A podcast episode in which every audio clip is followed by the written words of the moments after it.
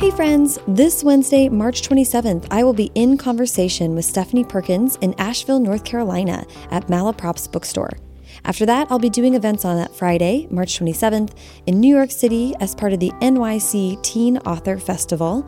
And finally, I'll be in Boston on April 2nd at Trident Booksellers and Cafe to chat with Katie Cotugno and Sara Farizan. To get more details on all these events and to see where else I will be IRL this spring, please check out the events page at sarahenni.com or firstdraftpod.com. Okay, now on with the show.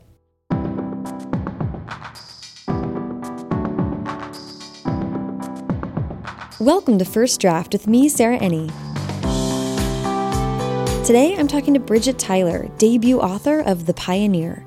In the course of our conversation, Bridget and I discuss adventure and sci fi, getting outside of her own bubble for storytelling perspective, and avoiding the Leia Han love story trope. And so exciting, Bridget reveals the name of the sequel to The Pioneer exclusively on First Draft. So please sit back, relax, and enjoy the conversation. Hi, Bridget. How are you? I'm good. Uh, thank you so much for coming over. Of course. I'm so Thanks excited for- having me. Yeah, I'm so excited to talk to you. I like to start my podcast at the very beginning, which is where were you born and raised? Uh, so I grew up in the California Central Valley. Well, I, until I was about 10, Mm-hmm. um, I was born there, and, and my father's family has lived in the area for since the gold rush, basically. Wow. So, but uh, we moved to Berkeley when I was about 10. And, you know, my, my mom graduated from UC Berkeley with a master's degree in 1969 and is exactly the person you would expect of that sentence.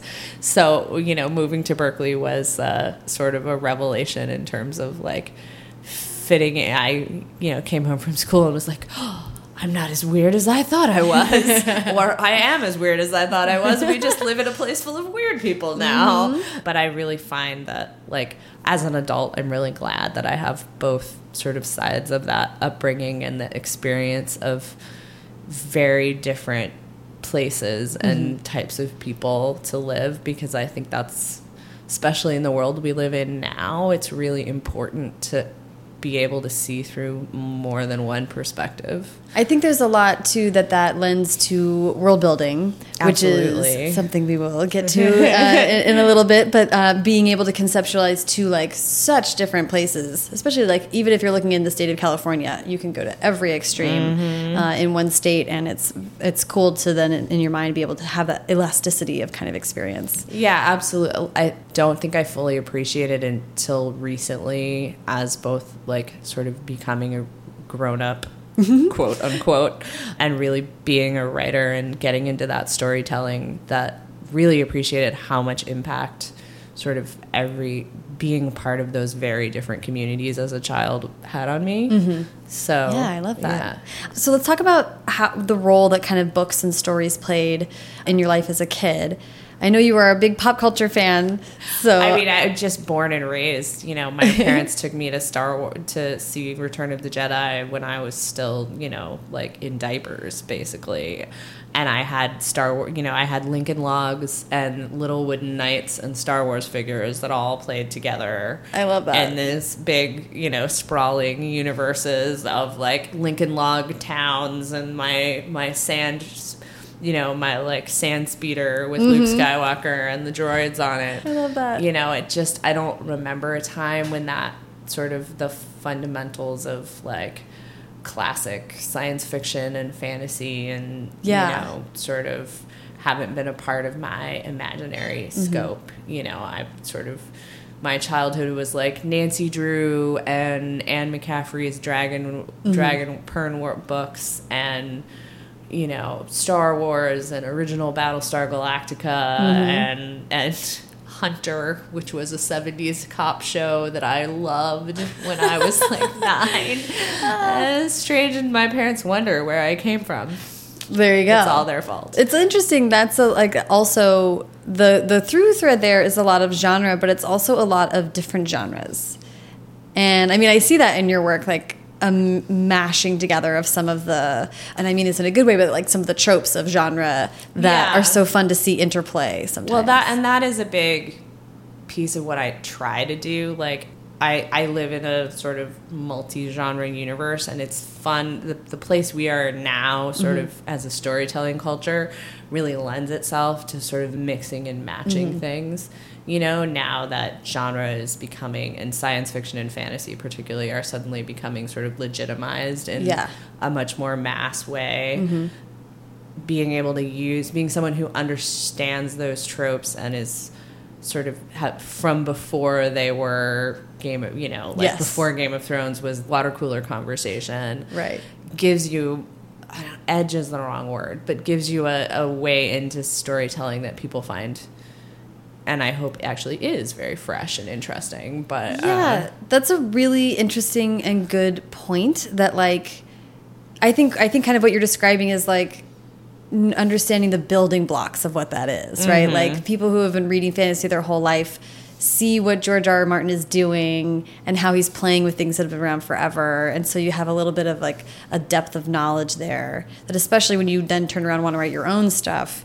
I think you can tell when someone's coming with like a full toolbox in that way. Yeah, and I think having sort of being both a literary nerd and a science nerd because it's not just understanding the classic fantasy fantasy particularly but but mm-hmm. science fiction uses the same sort of underpinnings and building blocks mm-hmm. of the mythology behind it and the you mm-hmm. know like the real life things that writers use to construct their stories. And the the longer I do this, and I enjoy that. Like I know some writers I've who are like, oh well, you know, once you can see the scaffolding, it's not as much fun. Really? But mostly in television and film. But uh, for me, the clockwork behind it is kind of is is like a, a fun puzzle to put together. Yeah. Because it's and it's hard work. Uh, and that's the part both that I like the best and I like the least. Where you know I'm like, oh, I feel like I've done nothing today, even though I have been working all day. But it just you know like Mm-hmm. it's hard to quantify because once the clockwork starts running, then it becomes real. You it's know? setting up all the pieces, right? Yeah, and Yeah. and this character, not just of the world, but of of like who the characters are and Mm-hmm. how their journey interacts with the challenges that you're presenting them with. And, Right. And there's just some point. I, I don't know if you if everyone experiences this sort of externality of it, but for me, at some point, something turns over and and it's just there, and I can the char- you know the characters are making their own decisions and Yeah.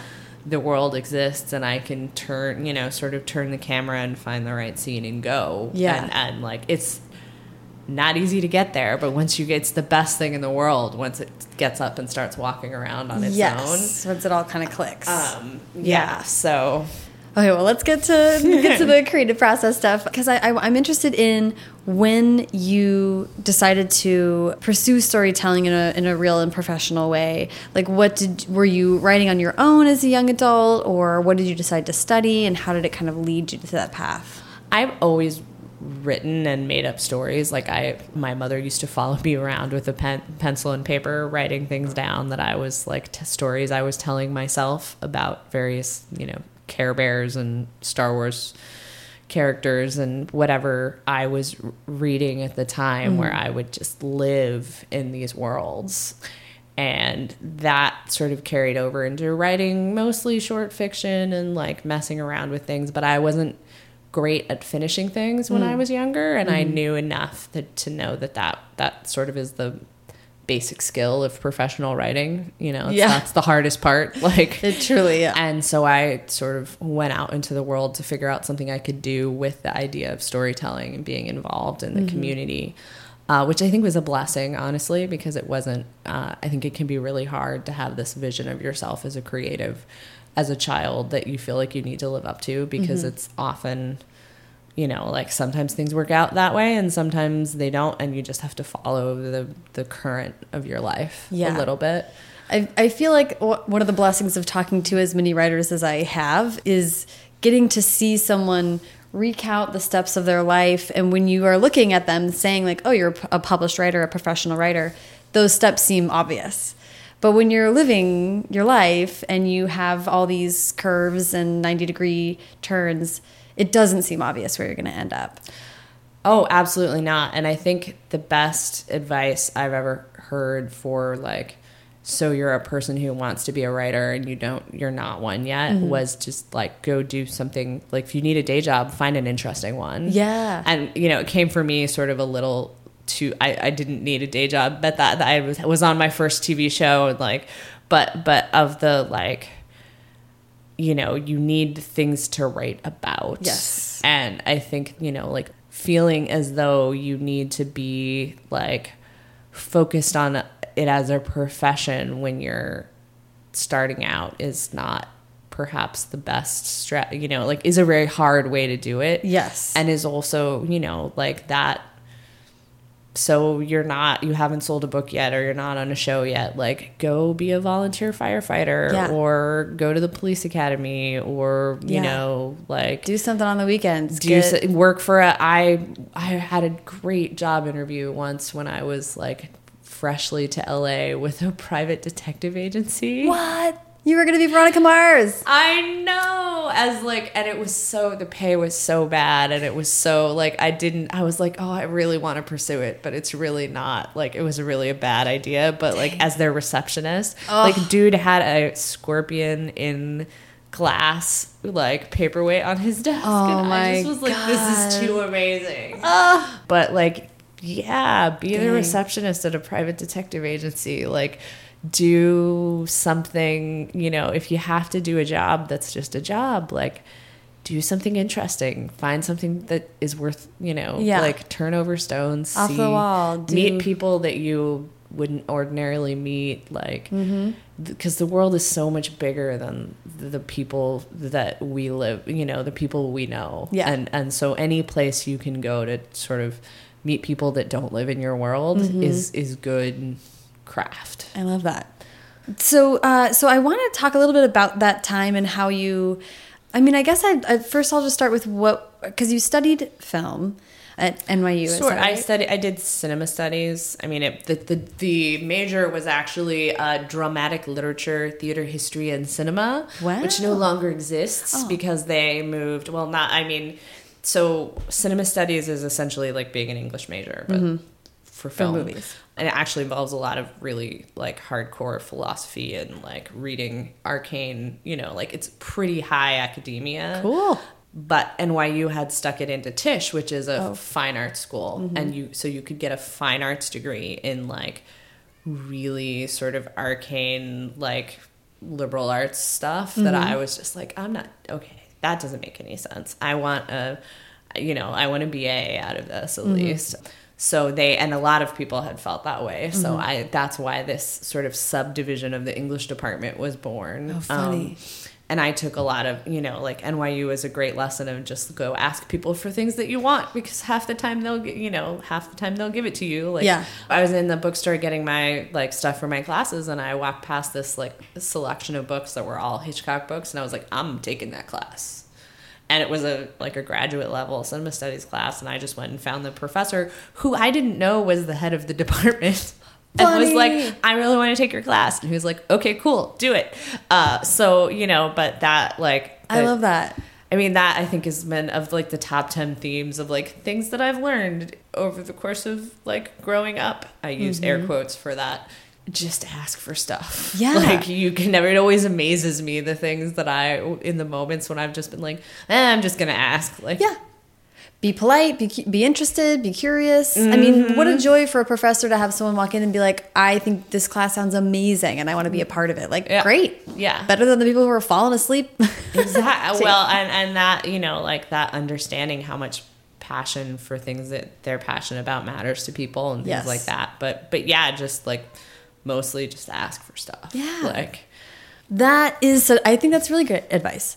So, so from there, you decided to move to LA, the heart of movies, obviously. Mm-hmm. And how did you get your feet under you? What were you particularly thinking about? Uh, I mean, I was being stubborn and not checking the, not believing at the time that uh, anyone who mattered could not have a website. Like, Oh. I'm dating myself here, but it was right at the, the, the turn of the 21st. Um, And so I sort of was looking to find my own jobs instead of at the time there were actual like staffing agencies who would get you your, you know, like there was a real pipeline. Yeah. Uh, that I sort of didn't find for the first six months of being in LA because I was being stubborn. Um, but I did actually end up working for one of those staffing agencies, which was the craziest Hollywood job that I've ever had. Wow. Um, and super fun because I met, you know, like basically everyone who then went on to become an assistant in Hollywood, and many of them now executives and other writers in Hollywood were half of them came and sat in that lobby with me for mm-hmm. hours at a time, you know, because Wow. they'd be doing their their typing tests and things like this. Right. So, you know, and made a ton of friends just sort of by accident that way. And eventually they got me a job at CAA and I worked at CAA and then I worked at a production company that, you know, I had sort of the experience that they tell you is the reason you take the job at an agency mm-hmm. where, you know, I I pulled something off for a producer that we worked with and her assistant was like, "Do you want my job?" Like you're Amazing. she does well with you you should you know like mm-hmm. which is not always the way in hollywood and certainly not you know like I, that was my third de- like that was my third desk at caa because mm-hmm. the first one you know like i got hired as a second assistant and the agent was like you're not a second assistant which i'm not like fair um, way too bossy Oh, funny. uh, and then you know got put on another desk and the agent retired and like you Mm-hmm. know luck is strange and backwards and you just have to like keep going to Yeah. some extent and sometimes you know like you can't ever tell where the luckiest moments come out of Yeah. you know i got my start in tv because i happened to mention to at a dinner party that i was thinking that i might take a job as a assistant on a or try to get a job as an assistant on a show because I'd already, you know, sort of been writing pilots and doing things and mm-hmm. was feeling a little frustrated. And one of my friends was like, Oh, yeah, no, I know a guy who's looking for an assistant on a new show right now. And like seven days later, I was his assistant. And he's been a huge mentor for me and like such an impactful moment. And it was just a off the cuff, like, I'm thinking about it. I don't even know how I'd do that sort of a Right. moment.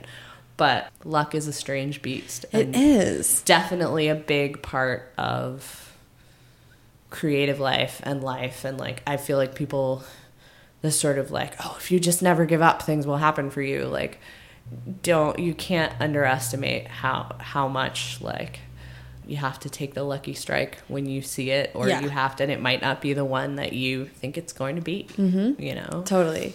No, that's that's uh, serendipity is not to be underestimated.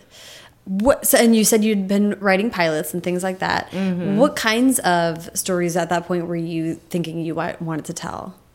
I mean, I've always had. I feel like writers have themes. I think our first pilot, I, wrote, I was writing with a partner at the time, which was really useful for me in terms of learning sort of how to finish things and how to be, how to take all the sort of ideas I had in my head and really give them life and discipline and structure.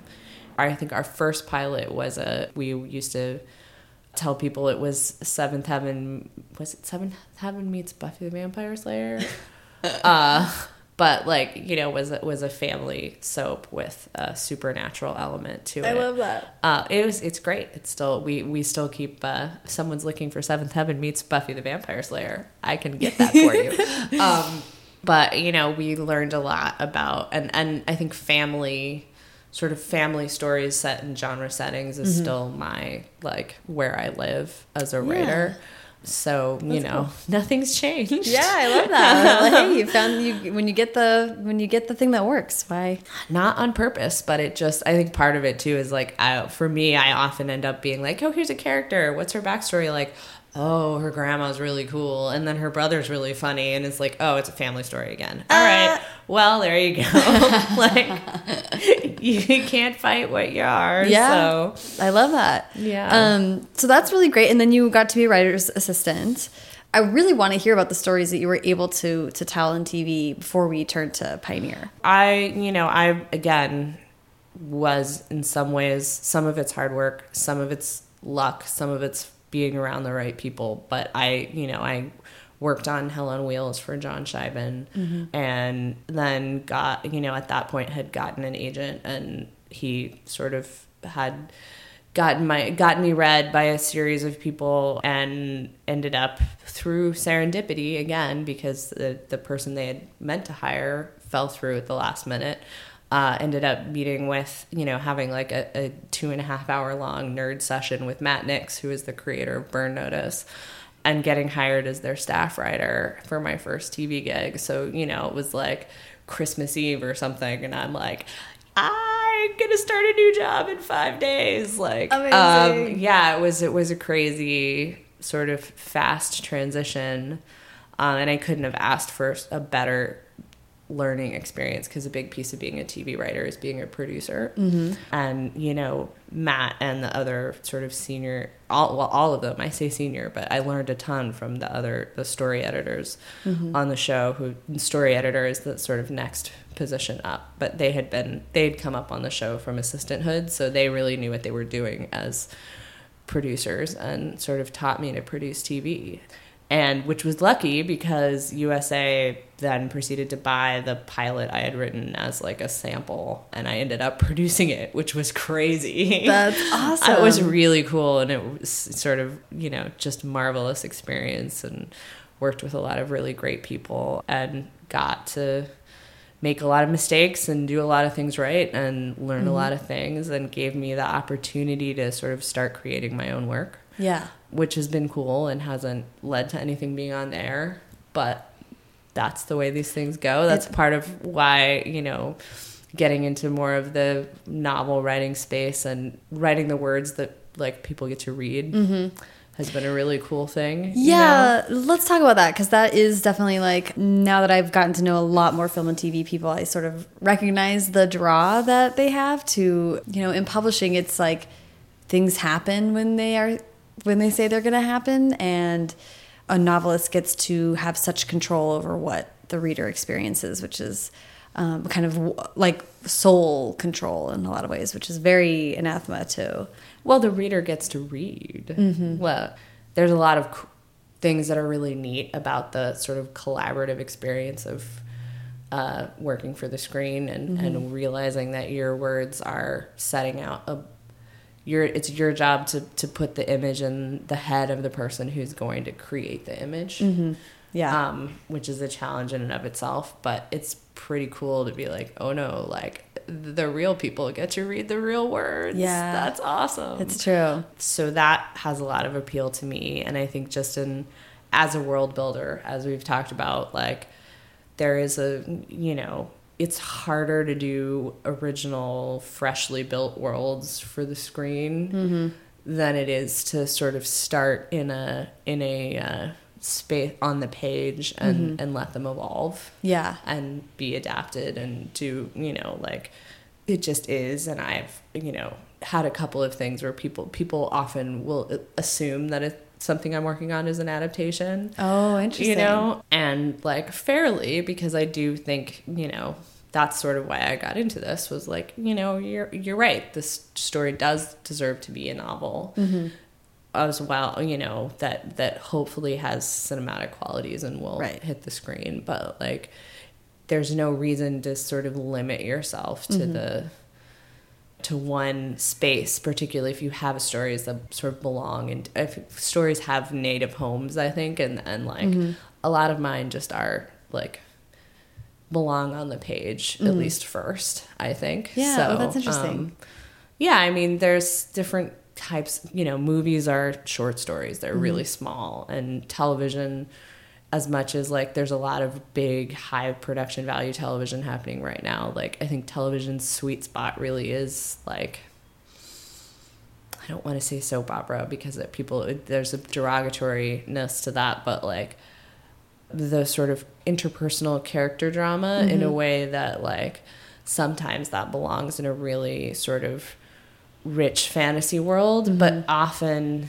like it's so much harder to do like Game of Thrones original for television. Yeah. You know, and I'm not Yeah. I don't know that anyone could really tell you why that's true because it's not, you know, people blame it on commercial concerns, but I don't think that's it. No, you I think you're right. Like, there's just inherent differences in what you're able to do with these mediums. Right, and creation of a world like deserves the sort of luxury of the page, mm-hmm. I think. Yeah. You know, like there's something about being able to craft the space yourself Mm-hmm. that's a really like for that kind of a thing Yeah. Mm-hmm. just functions better on the page whether it's Yeah. graphic novels or novels or you know Mm-hmm. like and i'm really interested too in like exploring short you know there's a whole sort of world of very short episodic stuff that's happening Mm-hmm. right now and there's the sort of made for audio things that Mm-hmm. are happening which i find fascinating because i love the sort of new school radio drama aspect Yeah. of it you know like i just am really interested in putting stories in the place they belong Yeah, that's so cool. Which it's, you sounded like a producer just then. It's a, a good skill to have there. So, so let's uh, lead into the pioneer and how um, that came about. I'd just love to hear, like, even just conceptualizing, like, oh, maybe I could try my hand at writing a book. How did that kind of come about? I mean, I've been working on like mulling the idea of writing a book for a while. So, you know, that was a, I don't even, I could, like, there wasn't a moment when I was like, gee, I should write a book. Like, I always sort of wanted to write books. And I think, like, the real push for it came after doing the experience of writing Horizon, which was my uh, spec that we shot for USA and ended up being a TV movie, uh, which is, you know, was really fun. And having that sort of having created this sort of intense world because it was supposed to be a sample. So, you Mm-hmm. know, and wishing that I had written it as a novel, sort of, in, in some ways. Like, Yeah. and just because there were so much things you don't there was so much sort of detail in my head that didn't didn't make it onto the page because it was a script and that wasn't where it belonged right. And then, just Um, as a practical question, because I'm not sure, once it's been produced and it's a thing, you can't then take that and do not whatever you not want with within it. that con well because they own universal Right. owns it now And this is like it, it's an important distinction because people in books own Right. their worlds, but for you, you're kind of can't return to that. Right, right. Well, I mean, I, I could, but I would have to have that conversation with them, and Right. and they're you know it's more complicated than that. Yeah.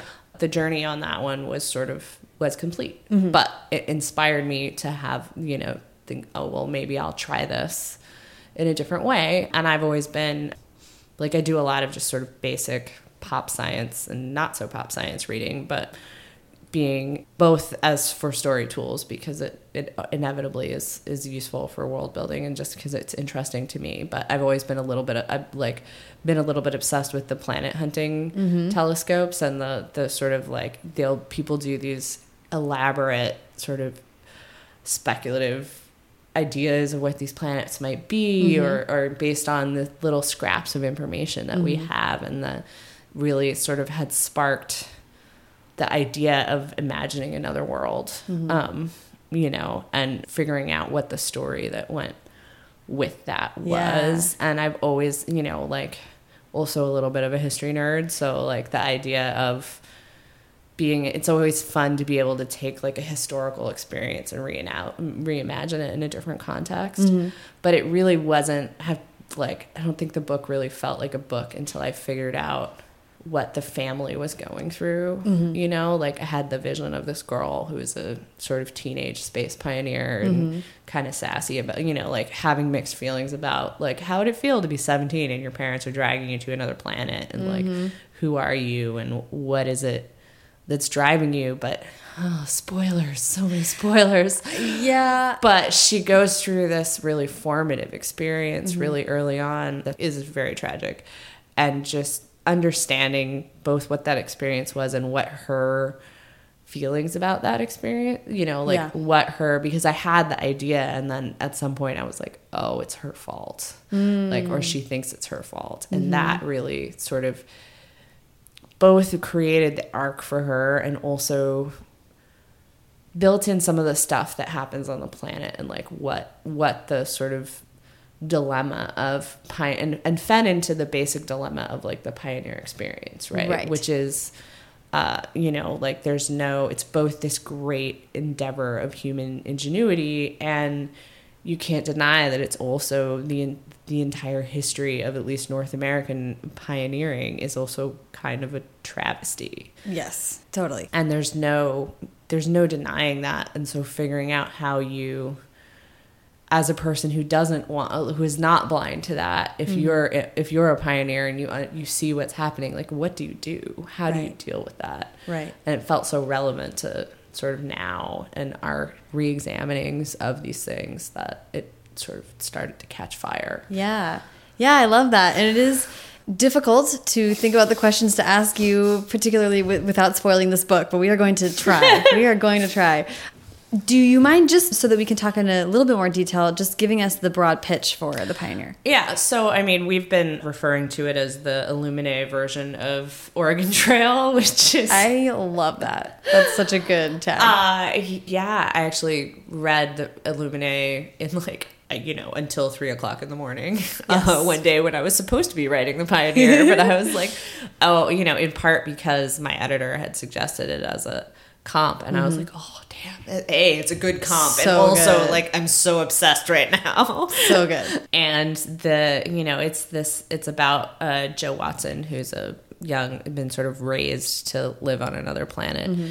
and right at the moment in which she's thinks that her new life as a pioneer is about to start her family there's a space accident essentially and mm-hmm. she gets very badly hurt and her brother is killed and it sort of changes everything for her. And she mm-hmm. has to figure out a new place in her community and a new way to sort of s- survive this gr- you know go through the process of grieving and finding a way to keep going while like literally attempting to survive on a new planet. Right. because all science fiction is really needs to be a metaphor for some kind of universal personal experience. Mm-hmm. That's just the way this works. Yep. and in the process encounters like i mean spoiler alert encounters aliens uh, who are not aliens because it's their planet Right. so and that sort of flip of like we are the aliens here is a big piece of what makes the book tick and and the sort of idea of how do you as as sort of the invasive species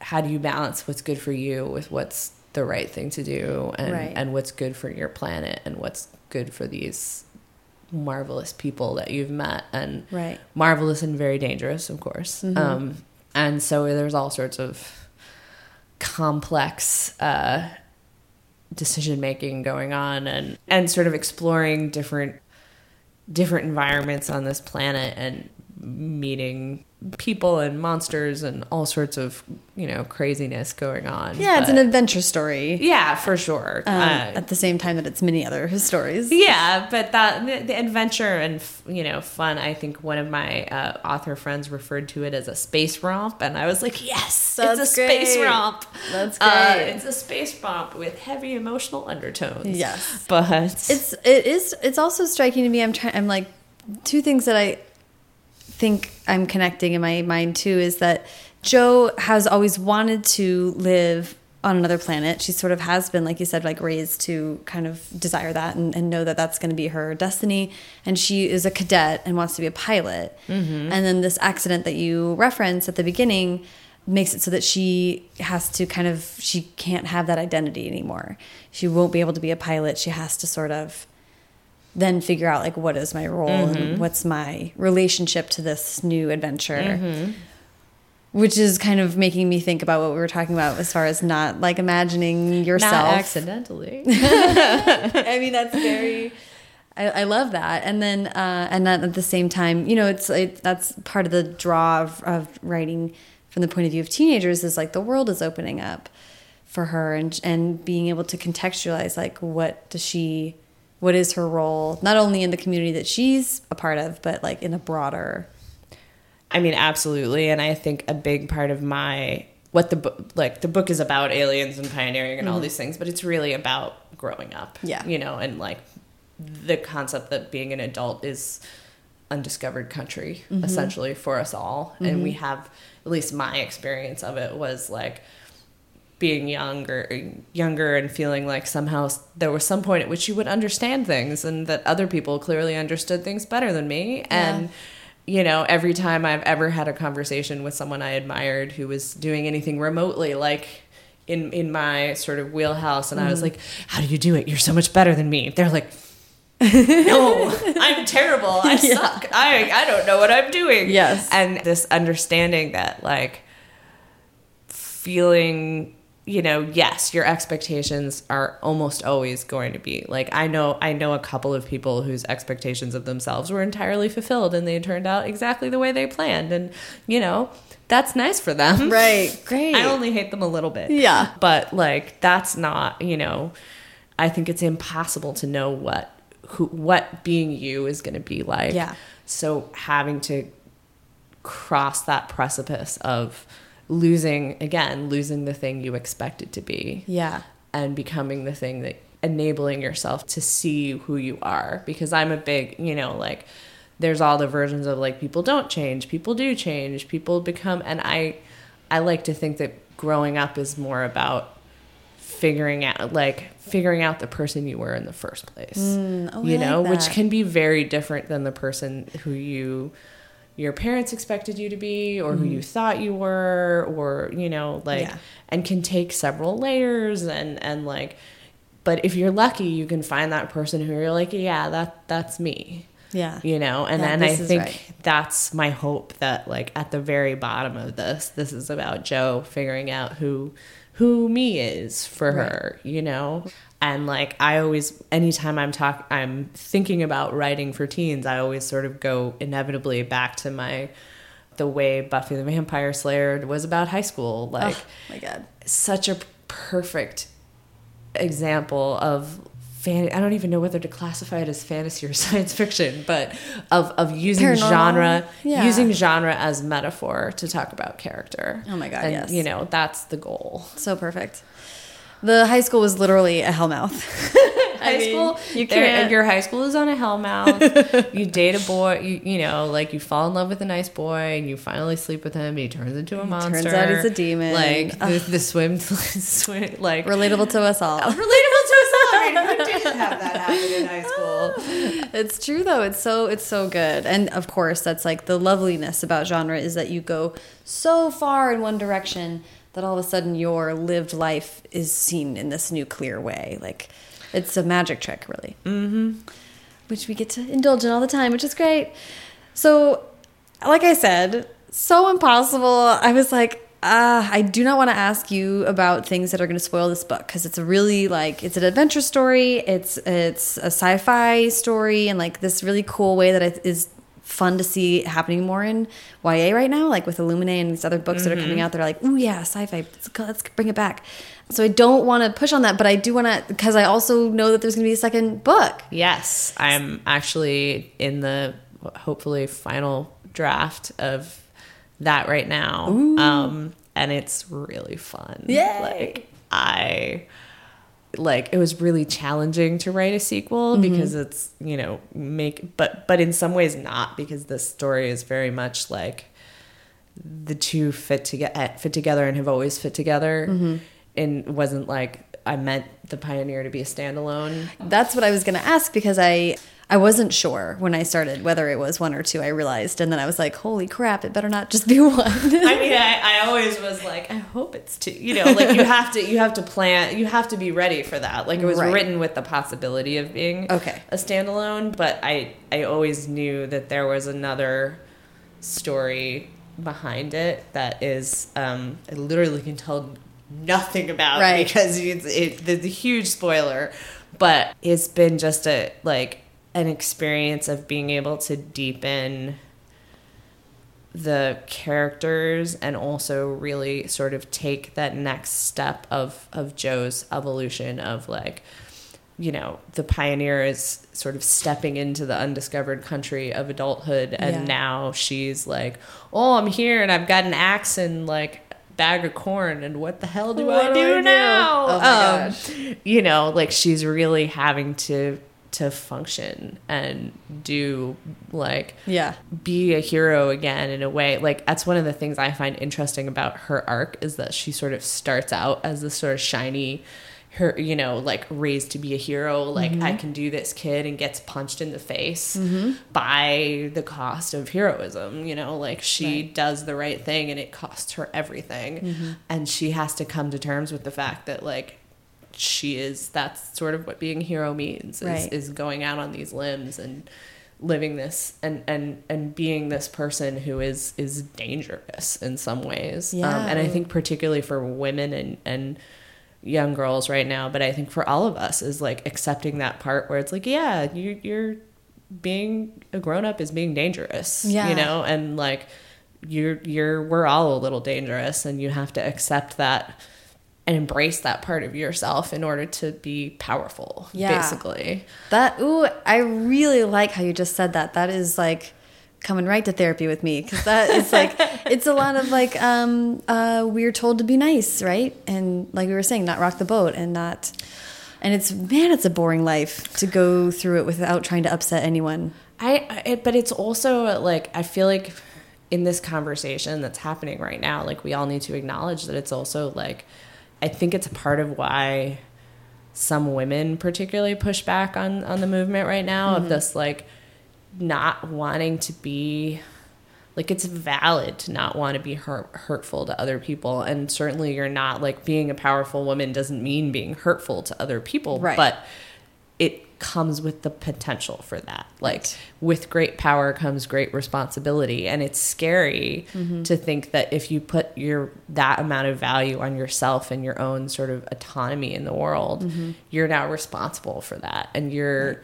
you know like so you can't minimize and if you can't minimize yourself yeah sometimes that is like you're gonna have to step up and be confrontational or be you know like say no you you know like i take up space here which is go- it has impact on other people and impacting other people is scary Yeah. and for valid reasons Yeah. and, and like it's just something we all have to get comfortable with but it is a it's an interesting time to be a writer and a woman and a you know writing things that hopefully will help particularly the next generation Mm-hmm. coming up and being so inspired by the next generation too. I mean, just Yeah. looking at people, you know, like these young young people who are just like oh, Yeah. I'm amazed, Total and uh, in superstars, like- and you know, so ahead of the game and so thoughtful and so powerful.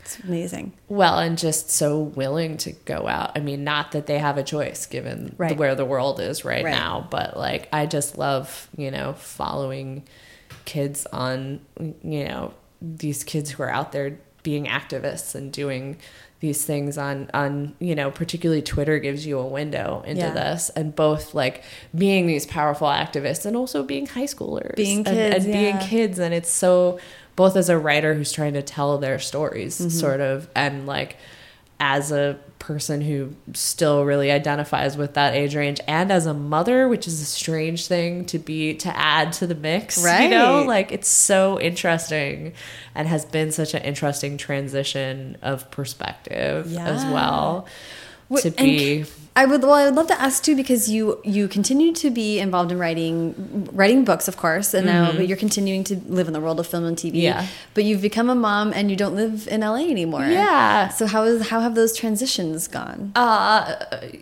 I'll let you know when they're done transitioning, which is never, I think. Um, but you know, it's you just everything's great, everything's exhausting, everything's terrible all at the same time. Like I don't, um, I mean, not basically nothing is terrible. I'm very lucky, and I have a, uh, you know, I met a professor who was working at USC at the time and fell, you know, like fell in love and what sort of had to roll a hard six on whether I was going to be able to pull off living my career and doing, you know, whether I could sell the novel because I had been working on it and thinking about this step in my career mm-hmm. and whether I could continue to work in TV and not live here. And, mm-hmm. and like, it was a scary thing, but like I said, you follow the current of life and Yeah. the current, you know, there was just no way to say no to that piece of me and that relationship that sort of just appeared it, real it was such a you have all these ideas about melodramatic romance at least i did. And it was like oh you're here. You know like it was almost like recognizing someone not oh, that's so sweet. not like some kind of torrid love affair. It was just like oh all right. That's where you are. That's where you've been. So and now you know like now we have a two year old and she's magnificent and strange and you know exhausting and wonderful and all Yeah. of the things that two year olds are and, and it's certainly a educational experience as a writer, you know, like just watching a character build. Yeah. You know, that you have so you imagine that you have so much control over it. They just come that way. Ah, so that's so funny. and it's really cool to see her little sense of humor coming together Mm-hmm. and just juggling and I'm not entirely sure how I'm juggling all of those things, but they none of the balls have hit the ground yet. That's At least amazing. too hard. That's so amazing. yeah, it, it, it, it did strike me that it's kind of cool, especially for you as someone that writes other worlds and and is conceptualizing the particular kinds of stories that you are. I think some distance from LA is wonderful, but it's like I used to live in DC and it was the same thing where you would then for a while you kind of had this perspective and then it just shrinks and shrinks and shrinks and you're like, "Oh, I'm so in this bubble." And I and it's very hard to see out of it. So you kind of have a gift of being like, "Oh no, in the rest of the world or some distance." I yeah, absolutely. And living in uh, sort of multiple bubbles because the academic world is also a really strong bubble that has its own sort of particular culture and Mm-hmm. is a fascinating thing to observe. That I mean, that's been a big one of my like projects of. you know, Research is the wrong word, but Mm. I, you know, you you have to spend a certain amount of your time as a writer just sort of exploring the world because you have to have things to write about Totally. has been particularly like once I could see the bubble, like finding different ways to get out of the bubble and not just like, yes, I'm in a different bubble in, in a college town in Oregon, but how do I get out of that? You know, like how do I get out of that bubble? Like how do I make friends with people who, you know, work on farms or are, you know, have different like how do I explore the different bubbles and see the pieces of the world that you just can't even imagine Yeah. from inside your own bubble. Yeah. You know, like it has been really striking to me, and I think probably to all of us, given public current affairs, but Mm-hmm. like how narrow the field of vision really is, and how strongly our brains are convinced that it isn't. Yeah. You oh, know, yeah. That's true. so that's been sort of a big project for me. So, yes. Um, so I I love I love all of that. I think that's so awesome. I do want so I like I'll wrap up with advice. But was there anything else about the Pioneer in specific that you wanted to make sure we talked about or I mean, there are sort of two things. It's always interesting when you start getting reviews and having Yeah. readers read it who you don't or not like your BFF or whatever, and Mm-hmm. seeing what, uh, seeing what people react to because it's not always what you think they're going to react to. And Mm-hmm. the interesting thing, like the the thing I thought people were going to react to, which they have, has been this sort of some of our attempts to really have an it be an inter like international and diverse group of characters and be you know like have a you'd be surprised how many people are like whoa korean love interest. Um Yeah. but like present a world that feels authentic to me from the point of view of like what's the future going to be like? And it's you know like Amer you know like a space crew sent to another world is not going to be an american space crew you know and that was a really fun thing to do and spend a lot of time like figuring out what hometown in india made sense for you know um, and spending a lot of time pestering my best friend about it because uh, she her her she grew up in Cleveland, but her parents grew up in India. So they're you know like like ask your mom about Love that. and uh, but but the thing I didn't sort of didn't expect to be so striking to people was the romance, which is not like intriguingly, at least to me, in terms of learning how YA works, started as a love triangle and sort of boiled back into being not because there is so many YA always almost always involves some kind of romance, and this one ended up being sort of low key uh, in a way that people either love or hate. Oh. but it always gets mentioned in every review, Wow. either as a negative or a positive.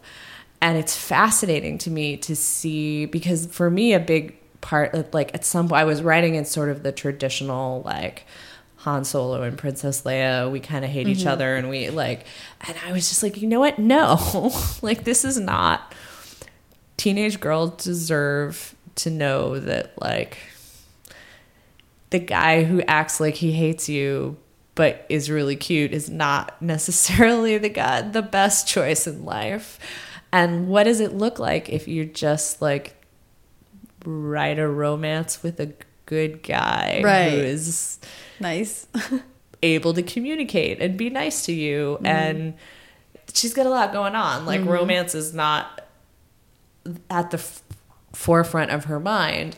And sort of letting this be a sort of low key aspect of the book I found really pleasing. Uh, and I think a lot of, you know, I'd say 60, 70% of people seem to find really pleasing and, and sort of different. And then there are the people who are like, "Meh, this is not, doesn't have enough tension, um, which is fair. You know, like it's, Right. it's, you can't please everyone and there's different, like, Yeah. different people need different things from their books. But it just was really striking to me because I just didn't think it would be that big a deal. Right. Um, that it's mentioned in every review is so it's interesting. really mentioned in pretty much every review. But uh, it's just fascinating to see the sort of divergence of point of view on it. yeah. People really just do have different emotional reactions to things they're reading Yeah. and it's fascinating to see how much like something about it really strikes a chord Yeah. and that that's success from Yeah. my point of view but um and it is that I will I can tell you about in book 2 becomes a much uh, Jay, who's the love interest, it has a sort of is the primary relationship I think for her in a way that in book one it's much more about her mm. friendship, her mm-hmm. best friend who she's had sort of a falling out's the wrong word, but like they're coming into it from a place of disconnection after the tragedy and the loss of her brother. So, you know, it's sort of a the pioneer is more of a friendship book and and book two, which the title of which I'm which is yet to be revealed. So this is its debut. Oh my gosh, what is um, it? So book two is called The Survivor.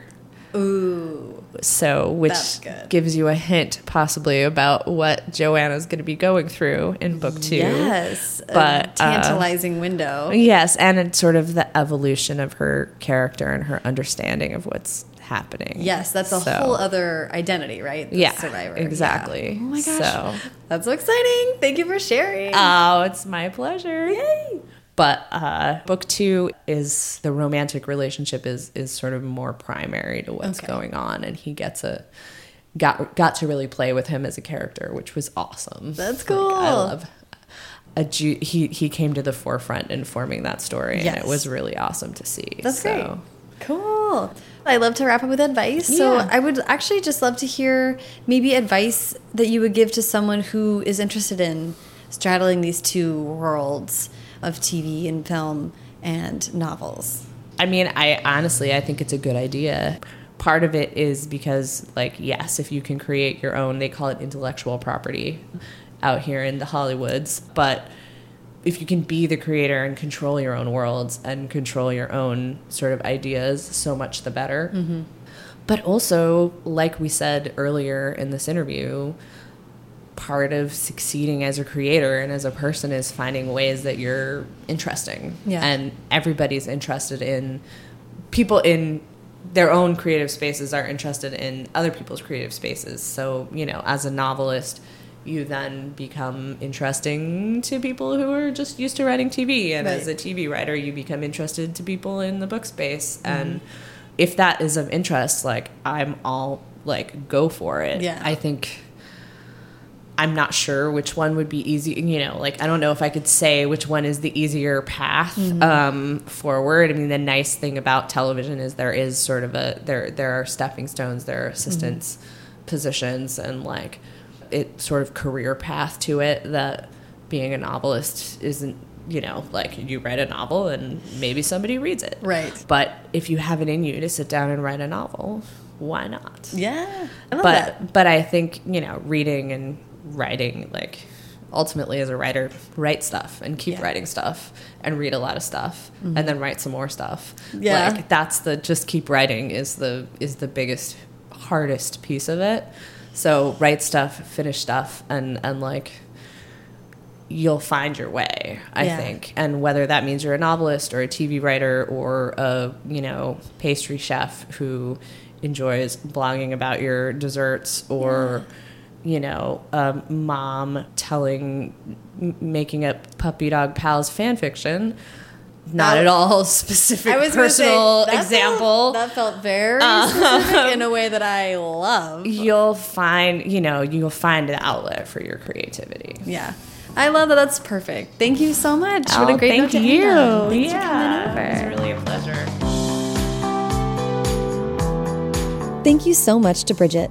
Follow her on Twitter and Instagram at California underscore B, and follow me on both at Sarah Enni and the show at First Draft Pod.